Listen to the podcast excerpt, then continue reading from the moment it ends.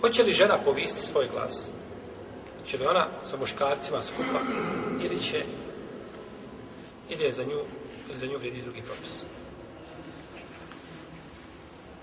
Prvo, islamski učenjaci slažu da neće niko za ženu donositi telbiju. Neće niko za žensko izgovarati telbiju, nego ona izgovara telbiju za sebe. Hadis Džabira u kome se kaže da su donosili telbiju za žene i da su bacali kamenčiće za djecu, nije vjerodostojan. Taj hadis je daj. Tako da, žena izgovara telbiju sama za sebe. A što se tiče povišenog glasa, većina islamskih učenjaka kaže da žena neće povisiti svoj glas. Da neće povisiti svoj glas. Glas. Tim prije što je žena zadužena da se uvijek prikrije i da ne povisuje svoj glas. Čak i da ne priča bez potrebe. Nije ženi pohvalno bez potrebe da priča. I gdje treba i gdje ne treba uvijek priča. Ne. Žena priča kad ima potrebu. Ispravno je da ženski glas nije javljati. Iako ima u koja je kazala da je Ispravno je da ženski glas nije javljati. Da žena može pričati, ali kad ima potrebu. Kad nema potrebe, nema potrebe da priča. Muškarcu nije pohvalno bez potrebe da priča. Je tako? Jer za svaku riječ ćeš biti pitan koju kažeš. Pa kako onda ima potrebe da priča žena koja može svojim glasom izazvati bolest ljudskim, može probuti od strasti bolesti u srcima, a ponekad i u srcima koja nisu bolesna priva, priča jeli, uh, utanjenim glasom izvještačeno, što je u svakom slučaju haram i zabranjeno.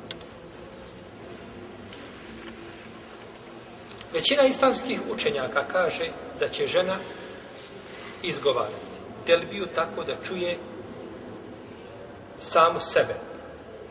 Odnosno, da neće dizati svoj glas telbijom. Neće dizati svoj glas telbijom.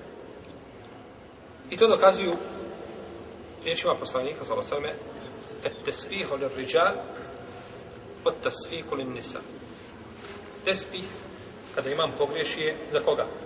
Za muškarca. A žena ima pljesak.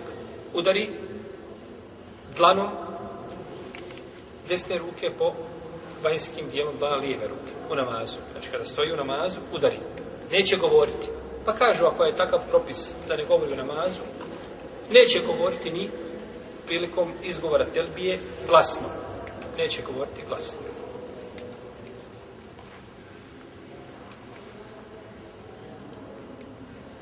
Prenosi se od Ibnu Omara da je rekao žena se neće penjati na safu i neće ti izglasati jel bio.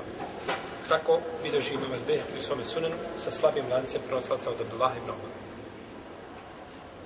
Dok jedan drugi dio učenjaka, a među njima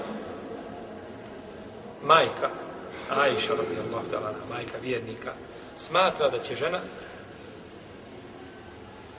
dići svoj glas prilikom izgleda tekvira. Kao muškarac.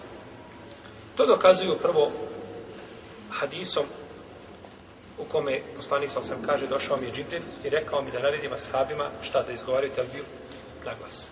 Kaže u hadisu nije došla razlika među muškaraca i žena. Propis je isti. Vredi kako jedne, tako i za druge.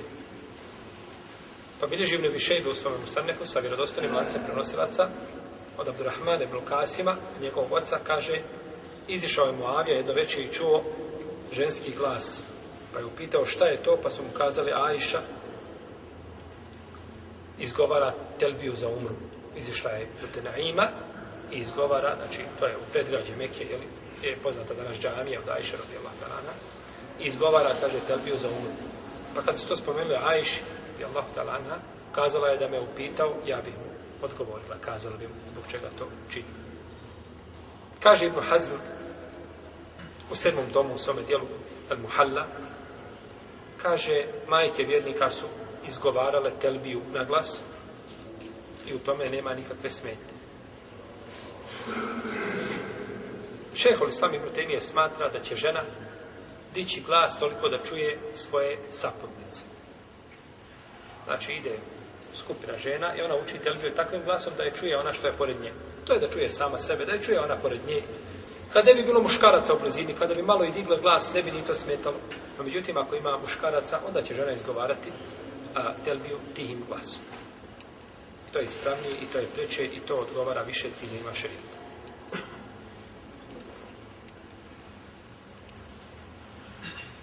Žena koja je u hajzu ili pasu, ona će također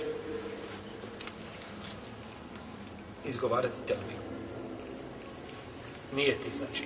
Hač izgovara šta? Izgovara telbiju. Nakon što se okupa, kao što je došlo od Iso Ajše, od Esme bin Dumeis, kada je rodila Muhameda Ibn Abi Bekra, jeli? rekao je poslanik sa Ebu Bekru njegovom ocu, kaže na redioj, da se okupa i da nijeti hađ. I kada je Aisha radijallahu ta'ala anaha dobila mjesečnicu na hađu, kako je došlo kod Buhari i kod muslima, rekao je poslanik sa osnovne, čini sve što čini hađ, ali ne, što čini jel, hađ, odnosno hađija, ali nemoj tavafiti oko kjave. Nemoj tavafiti oko kjave, pa je to zabranjeno.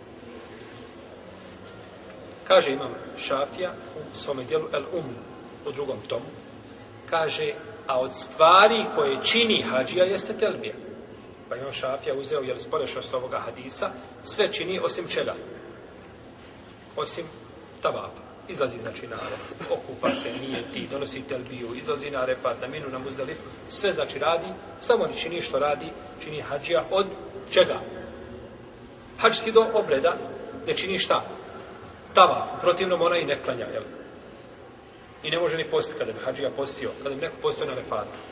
Ne dozvore hađija da postio na refatu. Nije sumnjet. Hađija neće postiti na refatu. Međutim, ako bi postio, njegov post bio šta? Ispravno. Žena ne može svakako da to čini tako u ciklusu, to je jasno. Jel? Govorimo o hađskim obredima.